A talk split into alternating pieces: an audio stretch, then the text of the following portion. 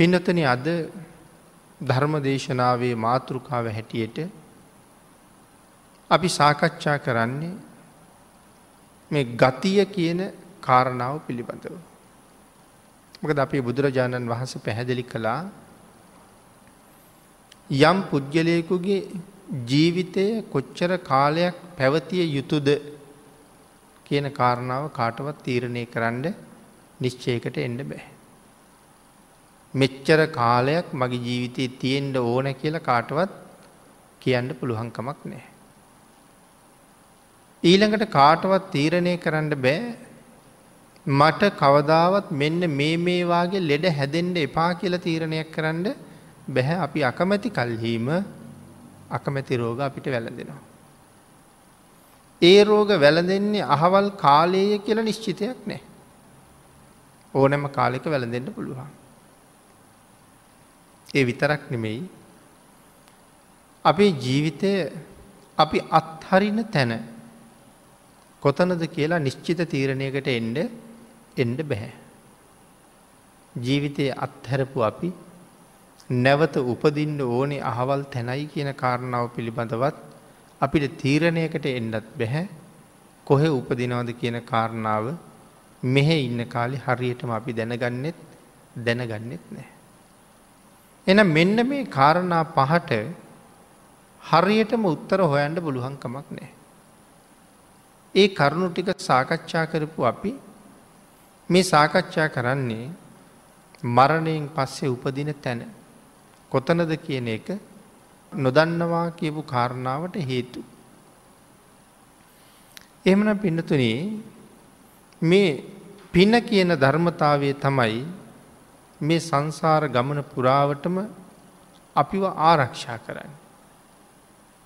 යම් රැකවරණයක් තියෙනවනම් පිළිසරණක් තියෙනවනම් ඒ රැකවරණය පිළිසරණ තියෙන්නේ පින කියන ධර්මතාවය ළඟ.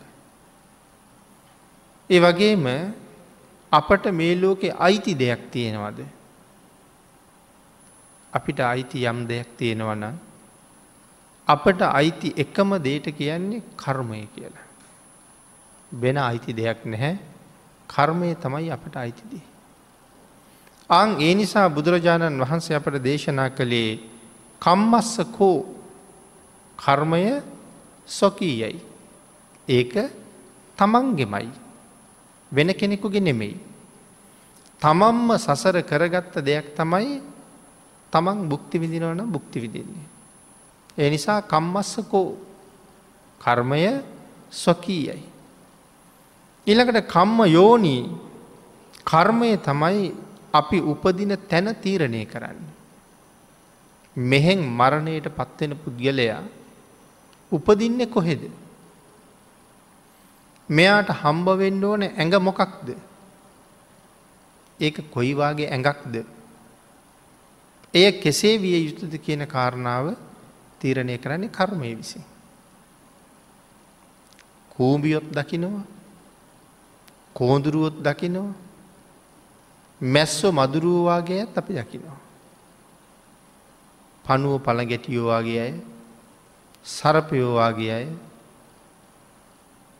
අලි ඇත්තුවාගේ අය ඊට කුඩා සත්තු මේ ආදී නොයෙක් ආකාරයේ ඇඟවල් අපි දකිනවා. ප්‍රේතලෝකෙත් ඇඟවල් තියෙනවා ප්‍රේතයෝ ඉන්නවා නමුත් අපිට පේන්නේ අපිට පේන්නේ නෑ. නිරය පිළිබඳව බුදුරජාණන් වහන්සේ දේශනා කරලා තියෙනවා අපි ඕන තරන් පෙරභවල නිරේ ඉඳල තියෙනවා නමුත් මේ ජීවිතයෙන් අපි නිරේ දැකලා නිරේ දැකල නෑ. එහෙමනං මිනිස්සුත් ඉන්නවා දෙවියෝ ඉන්නවා බ්‍රහ්මලෝකවල බ්‍රහ්මරාජයෝ වැඩ ඉන්න බව භාගිතුන් වහස දේශනා කරලා තියෙනවා. එහෙමනං මේ නිරය පිරිස සම්පූර්ණ කළෙත් කර්මයමයි. මනුස්ස ජීවිතයක් අපිට දායාද කළෙත් කර්මයමයි. මනුස්ස ජීවිතයත් යම් යම් අඩුපාඩු සහිතව ඉපදුනේ ඒත් කර්මය නිසාමයි. දෙවිය බ්‍රහ්මියෝ වෙලා ඉපදුනෙත් කර්මය නිසාමයි. එනම් කම්ම යෝනි මේ පුද්ගලයා ඊළඟට උපදින්නේ කොතනද කියන කාරණාව තීරණය කරන යම් සාධකයක් මේ ලෝකෙ තියෙනවනං එකට කියනවා කර්මය කියලා. එනිසා කම්ම යෝනී. කම්ම බන්දු පිනතන අපිට යම් පිළිසරණක් තියෙනවනම්. ඒ තමයි ඒත් කර්මය අපේ ඥාතිවරය කර්මයමයි. කම්ම දායාදූ කර්මය තමයි අපේ දායාදය. මේ ලෝකෙට අපි දායාද කරගෙන ඇවිල්ල තියෙන්නේෙත් කර්මයමයි. කම්ම පටිසරණෝ කර්මය තමයි අපිට තියෙන එකම පිළිසරණ යං කම්මං කරිස්සාමී මම යම් කර්මයක් කරන්නේද කල්්‍යයානංවා පාපකංවා තස්සදායාදු. එක යහපත් කර්මයක් වෙන්ඩ පුළුවන් අයහපත් කර්මයක් වෙන්ඩ පුළුවන් එය මගේ දායාදයයි. ආංගේ නිසා සඳහන් කළා යම් කල්්‍යාන වූ කර්මයක් මේ සංසාරය අපි කරලා තියෙනවනං ආං ඒ කල්්‍යාන වූ යහපත් වූ කර්මය නිසා තමයි අපි මේ ලෝකෙ සැපයි කියලා යමක් බුක්ති විදිනවනම් බුක්ති විදින්නේ එ කරගත්ත යහපත් කල්්‍යාන වූ කර්මය නිසා. ශ්‍රේෂ්ඨ මනුස්ස ජීවිතය ලැබුවෙත් කල්්‍යාන වූ කර්මයක් නිසා. ඒ ලැබිච්ච මනුස්ස ජීවිතය තුළ යම් යම් සැප සම්පත් බුක්ති විඳිනවනං ඒ හැම සැපක්ම බුක්ති විඳින්නෙත් කල්්‍යාන වූ කර්මයක් නිසා. නිරෝගි බවද ආහාරපානවල ඌන නැති බවද ඇඳුම් පැළඳුම් ගෙවල් දොරවල් ජානවාහනෝල අඩුවක් නැති බවද මේ සියලුම දේවල් පෙර කරගත්ත කල්්‍යාන වූ කර්මයක් මතම සිද්ධ වෙනවා. සමහර වෙලාවට කොයි තරං ධනය තිබුණත් මොන තරං සම්පත් තිබුණත් මානසික සතුටක් මානසික නිදහසක් නෑ. කායික සුවයක් නෑ. ඒ පෙර කරගත්ත කරුමයක විපාක නිසා. එමන සඳහන් කළේ කල්්‍යයානංවා පාපකංවා තස්සදායාදෝ භවිස්සාම. එනගේ පාපකර්මයක විපාකයක්. ඊට අමතරව මේ උතුම් මනුස්ස ජාතියේ ඉපදිලා අනන්ත දුක්බිඳ බිඳ වේල කණ්ඩ නැතුව ඇඳ ගණ්ඩ දෙයක් නැතුව හිසට වහලයක් නැතුව දුක්බිඳින අය ඕන තරම් ඕන තරන් දකිනවා. එහෙම ජීවිත තියෙන්නේෙත් පෙර කරගත්ත අකුසල කර්මයක විපාක නිසා. අං ඒ නිසා සඳහන් කළා ඉතාම දුක් සහිත වේදනාකාරී ජීවිත ගත කරන්නේ නං ඒ රැස් කරගත්ත අකුසලයක් නිසා බොහොම සහනසීලී ජීවිත ගත කරනවා නම් ඒ තමන් රැස් කරගත්ත කුසල ධර්මයන්ගේ ප්‍රතිඵලයක් නිසාමයි. ආං ඒක දැනගන සුදුසුම කාලයේ බොහෝ පින්කං කරගණ්ඩි කියල සඳහන් කළා. සුදුසු කාලය කියල පින්නතුන කීවි මේ අති උතුම් වූ බුද්ධෝත්පාදය. පින් කරගණ්ඩ තියෙන හොඳම කාලේ. මීට වඩා යහපත් කාලයක් පින් කරන්න අපිට ආයනං එළමෙන්නේ. අපේ බුදුරජාණන් වහන්සේ සෑම උදෑසනකම භික්‍ෂූන් වහන්සේලා ආමන්ත්‍රණය කරලා දේශනා කරන කරුණු පහක් තියෙනවා. මහනින බුද්ධෝත් පාදය ඉතාම දුර්ලබයි. මහනින මනුෂ්‍ය ජීවිතයක් ඉතාම දුර්ලබයි. මහනින ෂණ සම්පත් ඉතාමත්ම දුර්ලබයි. මහනෙන පැවිද්ද ඉතාමත්ම දුර්ලබයි. මහනෙන ධර්මය පරම දුර්ලබයි. මේ තමයි බුදුරජාණන් වහන්සේ සෑම උදෑසනකම භික්‍ෂූන් වහන්සේලාට පැහැදිලි කරන දුර්ලභ කාරණා පහ. පරම දුර්ලබයි.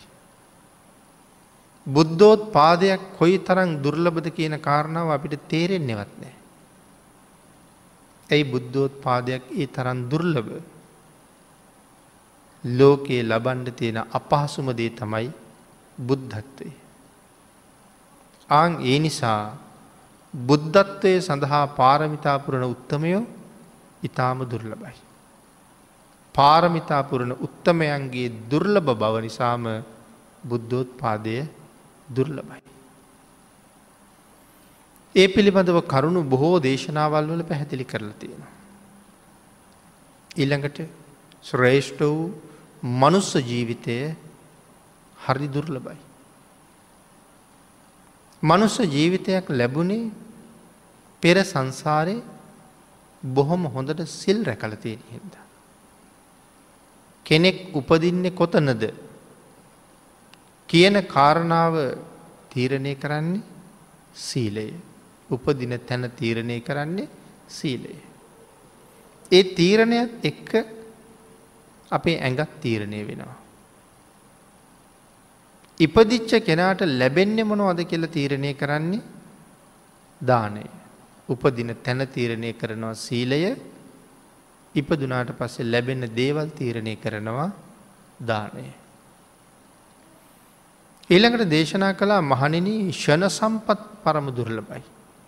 මනුස්ස ජීවිතයත් දුර්ලබයි ෂණ සම්පත්තියත් දුර්ලබයි. මොනොද මේ ෂණ සම්පත් කියල කියන්නේ. ඇස් දෙක කන් දෙක නාසය කතා කරන්න පුළුහම් බව අත් දෙක පාද දෙක මෙ අයිතිවෙන ෂණ සම්පත්තුවට. මේ දේවල් මේ ඉන්ද්‍රියන් අපිට ලැබිල තියෙන්නේ පෙර කරපු අසීමිත කුසල කරමෝල විපාකහින්ද. මේ ඉන්ද්‍රියන් ලබන්ඩ අපි කරපු පින් මදිනං අපිට ඉන්ද්‍රියන් ලැබෙන්නෙත් අඩුවට. මේ මුළු ජීවිතයම ලබන්ඩ පෙරකරපු පුුණ්‍ය ධර්මයන් සීමාවක් නැතුව වියදන් කරලා තියෙනවා. එහෙම වියදන් කරලා ගත්ත ජීවිතයක් මේක. නමුත් ජීවිතය සම්පූර්ණ කරගණ්ඩ වියදන් කරන්න කුසල් මදිවුණ හම ජීවිතය හුඟක් දේවල් මේ කයේ ලැබුණ නමුත් සමහර කෙනුගේ අතක් අඩ පනයි. පයත් අඩ පනයි. ඇහැක් පේන්නේ නැත්තන් දෙකම පේන්නේ. එක්කෝ කනක් ඇහෙන්නේ නැත්තං දෙකම ඇහෙන්නේ මේ දේවල් කර්මාණු රූපම අපට ලැවිච්ච දේව. ෂණ සම්පත් හරීම දුර්ලබයි. පැවිද්දත් ඉතාම දුර්ලබයි.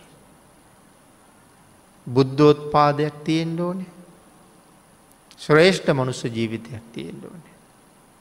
මිනිහෙක් වෙලා ඉප දෙන්න ඕන ෂණ සම්පත්තියෙන් ඕනේ.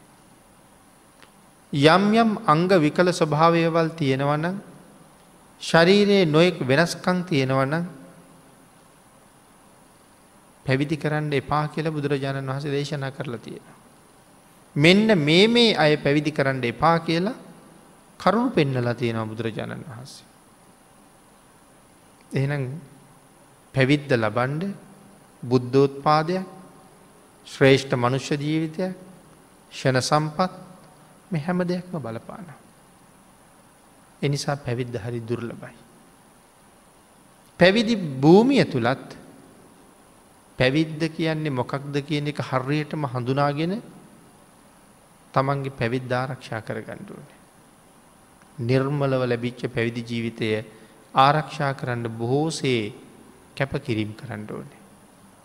බොහෝ දේවල් අත්තරින්ඩ ඕනේ. බොහෝ කැප කරලා බොහෝ අත්හැරලා මනාව සිල් ගුණ පූරණය කරගෙන ගෙවන පැවිදි ජීවිතය තවත් දස් ගනන් දස දහස් ගනන් ලක්ස ගනන් කෝටි ගණන් දෙනාට මහත් පින් රැස් කරගණ්ඩ හේතුවෙන ජීවිතය. හොඳට පලදරල තියෙන ගහකින් බොහෝ ප්‍රයෝජන ලබනවා වගේ මනා සිල්වත් ගුණවත් ජීවිතයක් ගත කරන කෙනෙකුගෙන් බොහෝ දෙනාට ලැබෙන්නේ අප්‍රමාණලාභය. අවසානි සඳහන් කළා ධර්මයත් පරම දුර්ලබයි කියලා. පිනතිනේ ධර්මය පරම දුර්ලබයි කියල කිය හම. මේ කාලෙනම් අපිට ඕන තරම් බණ අහන්ඩ ලැබෙනවා. මේ කාලෙනම් අපිට බණපොත් මුදලට අරගණ්ඩ ඕන තරන් තියෙනවා. නිවැරදි ධර්මය සඳහන් වෙච්ච පොත්. ත්‍රපිටකය නිර්මල ත්‍රිපිටකය මේ කාලේ ඕන තරම් මුද්‍රණය කරලා තියෙන. ඒ හින්ද ධර්මය අපිට කිසිම අඩුවක් අඩුවක් නෑ. ඒ තරං ධර්මය දකිින්ට කියවන්ඩ අහන්ඩ ලැබෙන්ඩත් සංසාරය වෙනම කරපු විශාල පුුණ්‍ය කරමයක් තියෙන. හැබැයි ධර්මය දුර්ල බයි කියල කීවේ තව කාලයක් එනවා මෙ ධර්මය කියන වචනෙවත් අවුරුදු ලක්ස ගානකටවත් ඇහෙන්නෑ එහෙම වචනය. ධර්මය කියන වචනෙවත් ඇහෙන්නේ. බුද්ධ කියන වචනෙවත් ඇහෙන්නේ. සමහර රජවරු ධර්මය හොයාගෙන වනන්තර ගත වුණා රාජ්‍ය පවත් හැරල.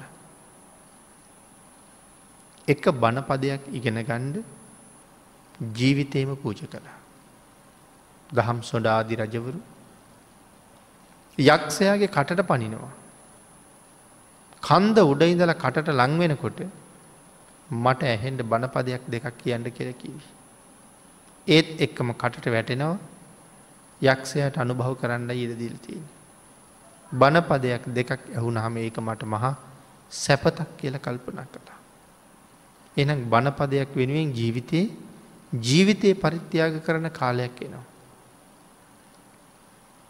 නමුත් අපිට එහෙම බවක් එහෙම බවක් නෑ අපිට ධර්මය ඕන තරන් තියෙන. එහෙනම් මේ සඳහන් කරන දුර්ලභ කාරණා පහම අපිට බොහොම සුලබව තියෙනවා. ඒනම් මොනවද අපි දැන් කරන්න ඕනි වහවහා වහවහා ඒ ධර්මය තේරුම් ගන්න එක. ඉගෙන ගන්න එක. අවබෝධ කරගන්න එක. ධර්ම මාර්ගයේ ගමන් කරන එක. සසර ගමන සුවපත් කරගණ්ඩ කටයුතු කරන එක. එවන් උතුම් බුද්ධෝත්පාදය ලැබිලත් කෙනෙක් තවත් ප්‍රමාදීව කාලය ගත කරනව නං බුද්ධෝත් පාදයත් ප්‍රමාදනං අබුද්ධෝත් පාද කාලවල ඉපදිලා අපි කොච්චර ප්‍රමාදීද කියන කාරණාව ගැන කතා කරන්නවත් දෙයක් නෑ. නමුත් පින්නතින සංසාරය පුරාම අපිට හුඟක් වෙලා තියෙනෙමකක්ද මෙන්න මේ ප්‍රමාදී බව. නැත්තං බුදුවරු මොන තරන්නම් අපිට මුණ ගැහෙන්ඩ ඇත්ත. බුදුරජාණන් වහන්සේලා ධර්ම දේශනා කරන තැන්වල අපි කොයි තරන්නම් ඉන්ඩ ඇත්ද. ඒ වනාට අපිට තවම තවම හොයන නිවන හම්බ වෙලා නෑ. අනමතක්ග සංයුත්තයේ බුදුරජාණන් වහන්සේ දේශනා කළා අපි මොන තරං ඈත ඉඳල මේ ගමන එනවද කියලා. භාගිතුන් වහස දේශනා කළේ මහනෙන එකම අම්ම කෙනෙක් වෙනුවෙන් සංසාරි පුරා ඔබ හලාපු කඳුළු මහසාගර ජලයට වඩා වැඩී කියලා. එතන එකම අම්ම කෙනෙක් කියල කිවේ මේ ජීවිතයේ මවම මේ සංසාරය මට හම්බ වෙලා තියෙන වාර ගණන සීමාවක් නැහැ. මහමුහොදේ ජලයට වැඩියෙන් කඳුළු එකතු කරල තියෙන්නේ මේ ජීවිතයේ අම්ම වෙනුවෙන්ම පෙර පෙර භවයවල් වල මම අඩාපු කඳුළු. ඒ ජලය කඳට වැඩිය කඳුළු සාගරයක් නිර්මාණය වෙන්ඩ ඇය වෙනුවෙන් මං කොච්චර ඇඩුවද ඇය මේ සංසාරයේ මට අසංක්‍ය අප්‍රමාණ කීයක් නං මුණ ගැහෙන්ඩ ඇත්. එහෙම නං අපි ඉපදිලා තියෙන වාරවල සීමාවක් නෑ. අසීමාන්තික වාරවල අපි ඉපදුනා. බුදුවරුත් ඔය අතර ඕන තරම් මුණ ගැහුණ. නමුත් කිසිම බුදුරජාණන් වහන්සේ නමක් ළඟ ආර්ය තත්ත්වයට අපි පත්වෙලා නැතිව ඇති. ඒ අති උතුම් ආර්ය තත්ත්වයට පත් වනා නම් සමහරලාට සංසාරී මෙච්චර ඇත් අපි එන්නේ නෑ. ඒ කියන්නේ බුදුරජාණන් වහන්සේට මෙච්චර කාලයක් අපි කීකරු වෙලා නැහැ කියන එකයි. අකීකරු බවහින්දම සංසාරය අනන්ත දුක්විඳ විඳ අපියනවා. ඒ අකීකරු ජීවිතය තුළත් ශ්‍රද්ධාවෙන් දැකල වැඳල පුදල නමුත් සිල්ගුණත් ආරක්ෂා කරන්න ඒ ඒ කාලවල කටයුතු කරපු නිසා අපිට අද නැවත මනුස්ස ජීවිතයක් කම්බ වෙලා තියෙනවා. එහෙමනම් මේ උතුම් කාලේ ප්‍රමාද වෙන්ඩ එපා කියලමයි දේශනා කරන්න.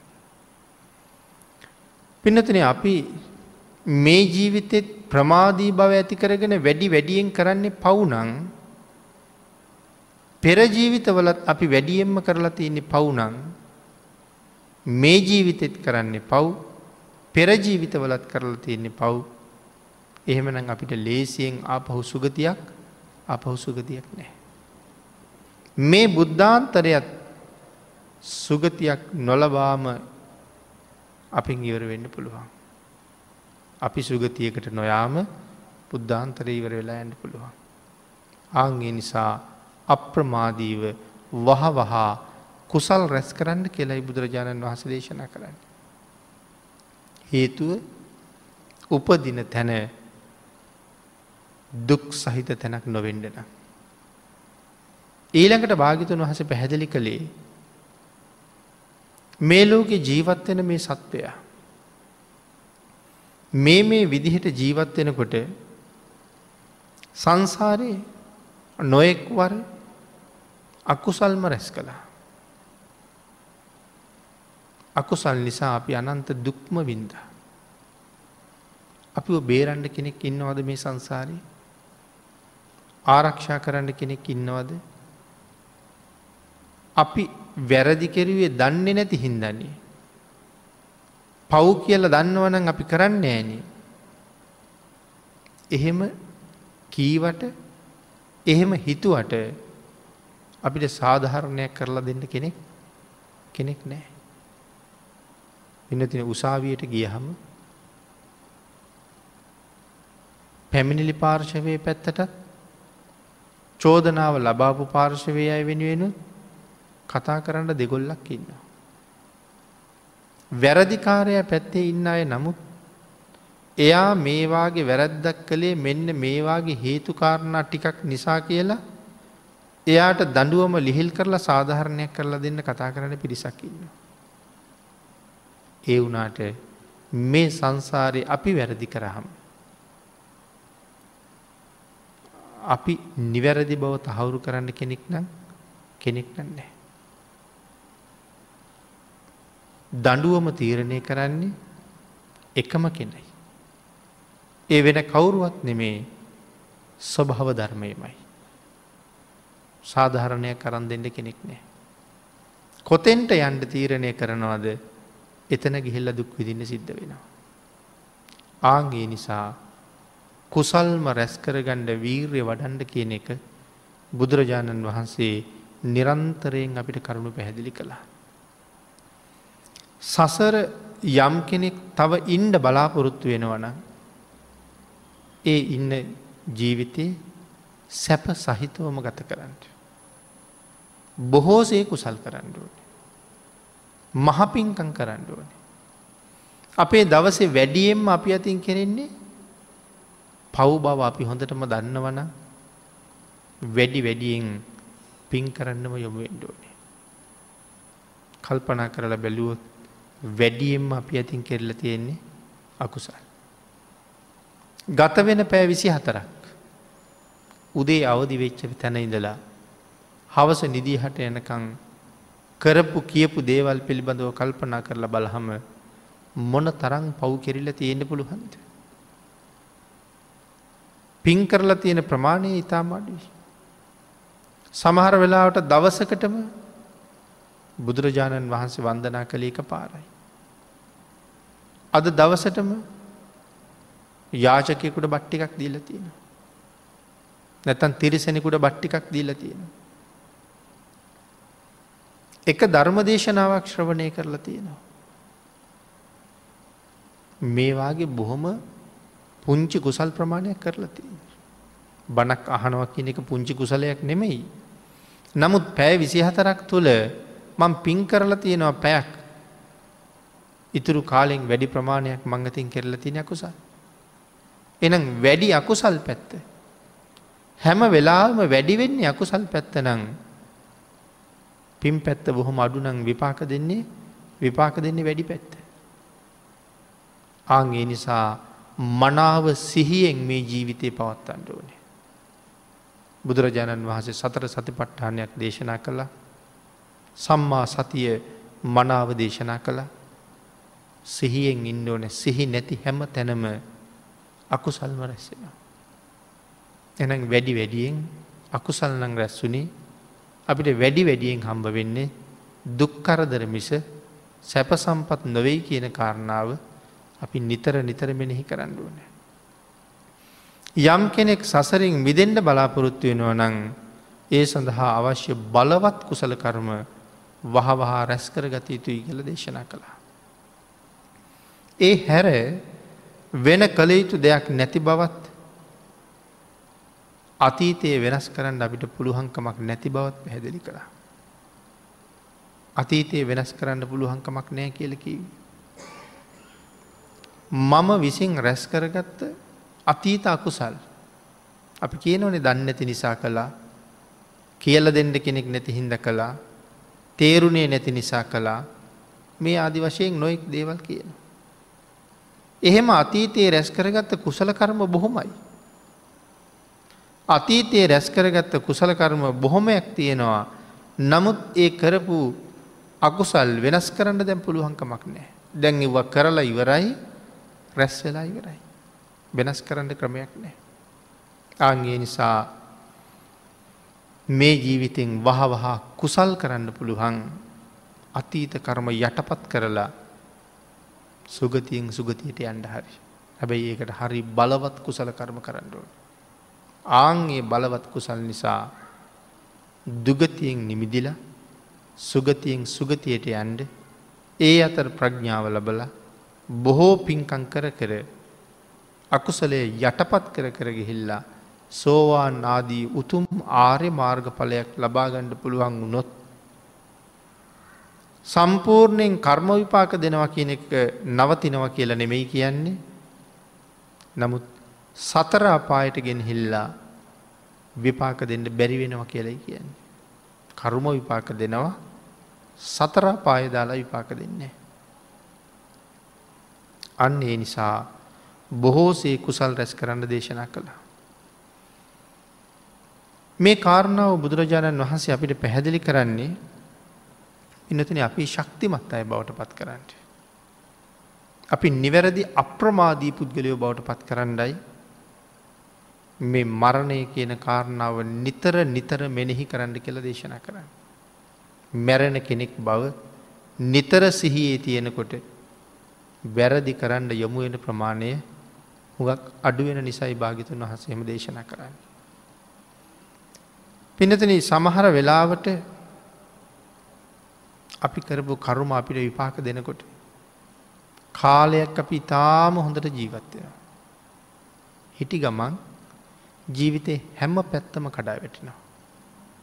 ආර්ථික පැත්ත කඩා වැටෙනවා. විවාහ ජීවිතය කඩා වැටෙනවා. සාමාජීය පැත්ත කඩා වැටෙනවා. හැම පැත්තක්ම කඩා වැටිලා ඉතාම අසරණ ජීවිත බවට පත්වෙනවා.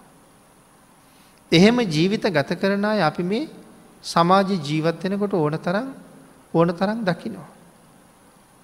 එකට හේතුව තමයි සංසාරි කරපු කරුම ඒ ඒ කාලවලට විපාක දෙන්න පටන් ගන්නවා.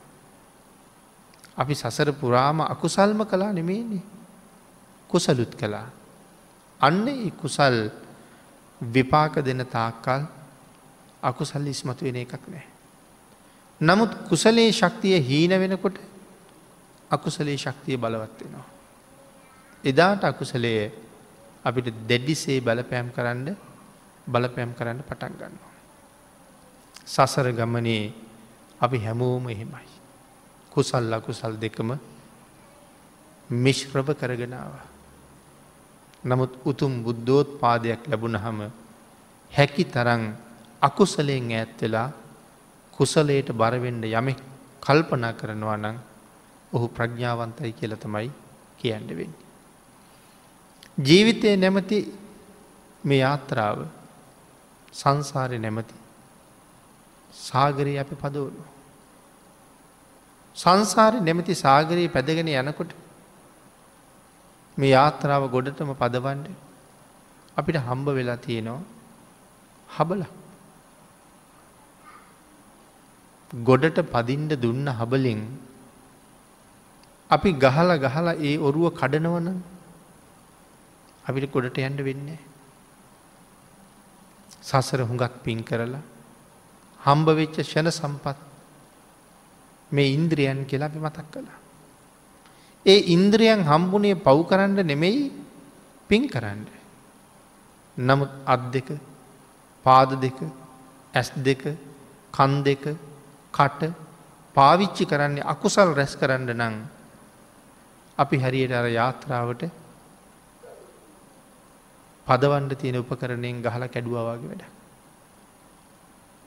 ඇස්වලිනුත් හරියට පව් කරගන්නවා. කන් දෙකනුත් හරියට පව් කරගන්නවා. අත පයවලිනුත් පව් කරනවා කටිනුත් සීමාවක් නැතුව පව් කරනවා. බුදුරජාණන් වහන්සේ එක තැනක දේශනා කළේ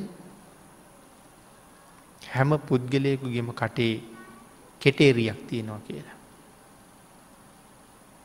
පුද්ගලයාගේ වචන හරි භයානකයි. මේ කෙටේරියෙන් කාටද කොටන්නේ. මේකෙන් කොටන්නේ වෙන කාටවත් නෙමේ තමන්ටමයි කොටාගන්න. අනිත් කෙටේරියෝලින් අනුන්ට කොටනවා කටේ තියෙන කෙටේරියෙන් තමන්ට කොටනවා. බොරු කියනවා කේලං කියනවා පරුස වචන කියනවා හිස් වචන කියනවා. මුසාවාදා පරුසාවාචා පිසුනාවාචා සම්ප ප්‍රලාපා. මෙ දරුණු අකුසල් හතරම කළේ කටින් මයි මේ කටින් කරපු මේ අකුසල් මාවම විඳවනවා. මාවම සංසාරි තවනවා. නමුත් මේ කට හම්බුනේ සංසාරය හරියට පින් කරලා. කතා කරන්න බැරි කෙනෙකුට වඩා කතා කරන්න පුළුවන් කෙනෙක් කොච්චර වටිනවාද. මේ ලැබිච්ච කටින් බුදුරජාණන් වහන්සගේ ගුණ ගායන කරන්න පුළුවන්න. මේ ලැබිච්ච කටින් තව කෙනෙක් සංසාරයෙන් එතර කරන්න වචන පරිහරණය කරන්න පුළුවන්න.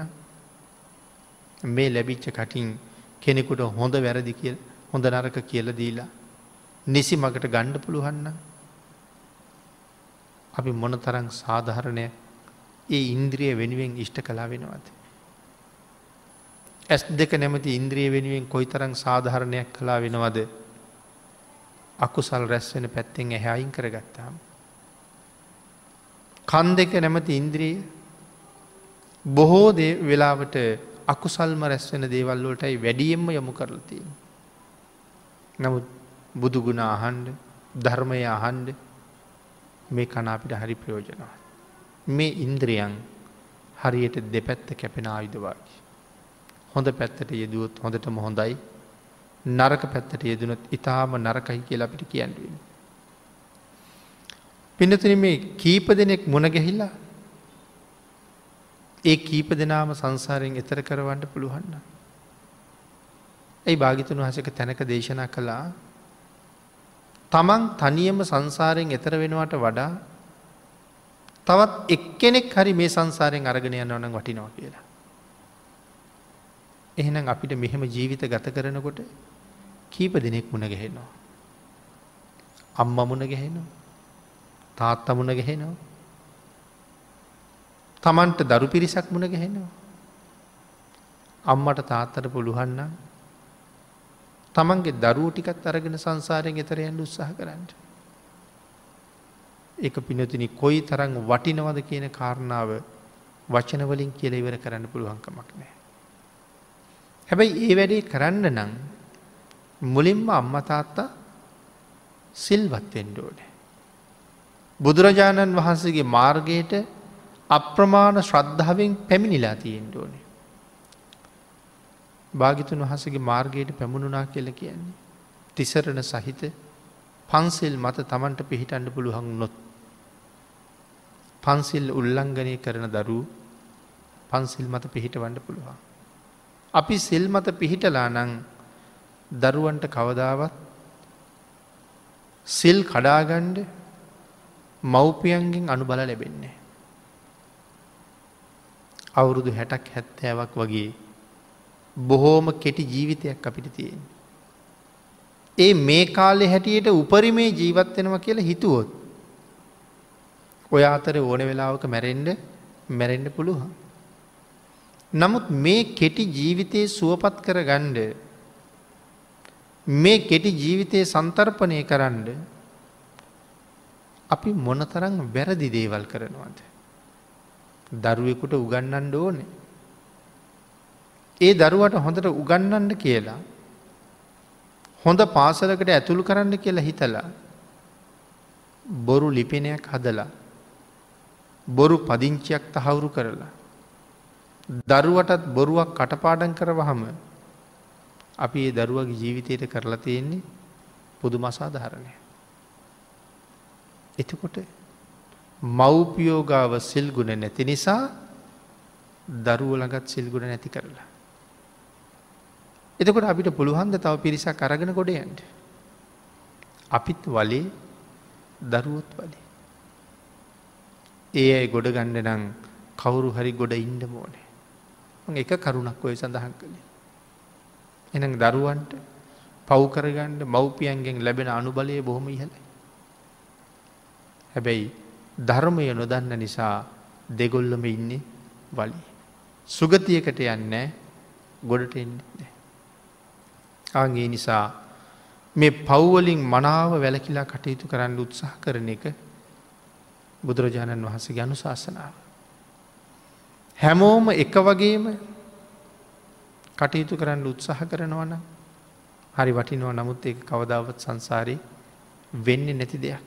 සමහර අයට මේ ලෝක ඉපදිච්චහම අඩුපාඩු බොහොමයි. සමහරයට රුවනෑ සමහරය ළඟ ගුණ නෑ සමහරයට සම්පත් නෑ සමහරයට නිරෝගි බව නෑ මේ හැම දේකටම හේතු වෙලා තියෙන්නේ පෙර මා විසින්ම රැස් කරගත්ත දේවල්. කම්ම දායාදු. මේ තියෙන්නේ මගේම දායාද ටික. ඒ දායාද ටික මංමයි රැස් කළේ. ආං ඒ නිසා මනාව ගුණපුරණ ජීවිතයක් හරි වටිනවා. එහෙම ගුණපුරපු අය මරණයට පත්වෙන්නේ හරි සතුටින්. ඒගොල්ලු ගාව දුක නෑ. මකද හොඳට දන්නවා මෙහෙන් ගිලිහෙන මම උපදින්නේ සුගතියක කියලා. එහෙම හැඟෙන පුද්ගලයාගේ මරණ මංචකයේ සතුටින් පිරෙල තියෙන. ප්‍රීතියෙන් පිනාගිහිල්ලයින්න. එහෙම නැති කෙනා මරණ මංචකේ මත බීතියෙන් වෙවුලනවා. තමන් කරපු වැරදි තමන් කරපු අකුසල් සමාජ අසාධහරණකං ඔහුට තමන් ඉස්සර අපිට හරියට චිත්‍රපටියක් වගේ මැවිල පේන්න පටන් ගන්නවා. ඔහු බීතියෙන් බීතියට පත්වෙලා මැරිල දුගතියක ගිහිල්ල උපදිනවා. හැබැයි හුඟක් පින් කරගත්ත කෙනා හරිම සතුටුයි මම ළඟ තිසරණ තිබුණ මම ළඟ පන්සිල් තිබුණ තිසරණ පන්සිල් මත පිහිටලා මම බොහෝ කුසල් රැස් කළා මේ කුසලය මම දුගතියකට ගෙනියන්නේ. මීට වඩා ඉහල තැනකට අරගෙන යනවා කියන පූර්ණ විශ්වාසයක් තියෙන. දේ නිසා ඒ මරණ මංචකේ සතුටින්ම කරලෙනවා. එහෙම නැතිවුණොත් සක්වලින් සක්වල කොහහිපදීද දන්නේ. සාගරයේ පතුලීප දෙන්නත් පුළුවන් සක්කොළවල් ගණනාවක කෙරවල ඉප දෙන්නත් පුළුවන්. මඩවලක උපදින්නත් පුළුවන් වැලි කාන්තාරික ඉප දෙන්නත් පුළුවන්. අසූචි වලක ඉප දෙන්නත් පුළුවන් මහනිරයක ඉප දෙන්නත් පුළුවන් තිරිසං ලෝක ඉප දෙන්නත් පුළුවන් ප්‍රේතයන් අසුරයන් අතර ඉප දෙන්නත් පුළුවන්. දෙවියෙක් බ්‍රහ්මයෙක් අතර උපදින්නත් පුළුවන් ආය මිනිහෙක් අතර ඉප දෙන්නත් පුළුවන්. දෙමන අපි සඳහන් කළා අපි කළ කල්්‍යාන වූ කර්මයට අනුව අපි උපදින්න කොහෙද කියන කාරණාව ඒ කර්මය විසින්ම තීරණය කරලා තියෙනවා. කල්්‍යානංවා පාපකංවා තස්ස දායාද. මේ හැමෝ හැම දෙයක්ම තමන්ගේම දායාදයයි. ධර්ම දේශනාවට ලැබිල තියෙන කාලයේ නිමා වෙලා තියෙන නිසා. මේ විදිහට නිමා කරන්නයි සූදානන් වෙන්නේ. එහෙමනම් උපදින තැන් පහක් පිළිබඳව දේශනා කලා කොහෙ උපදිනවාද කියලා නැතන් අපිට නිශ්චය කරන්න බැරි කාරණා පහක් භාගිතුන් වහස දේශනා කළා. අපි මුලිනුත් සිහිපත් කළා මෙච්චර කාලයක් මගේ ජීවිතයේ පැවතිය යුතුයි කියලා අපිට ස්තිරෝ කියන්න බෑ. මේ මේ ආබාධ මට හැදෙනවා කියලා අපි දන්නේ නෑ. ඒ ඒ ආබාධ හැදෙන්නේ මේ මේ කාලිටයි කියල අපි දන්න ජීවිතය අත්හරණ තැන දන්නේ අත්තැරිහම උපදින තැන දන්නේ. එනම් මේ ගතිය කියන කාරණාව කොහෙ සිද්ධ වෙනවාද කියන එක නොදන්න බව පැහැදිලි කරමින් තමයි මේ කාරණාටික සිහිපත් කරන්නට යෙදේ.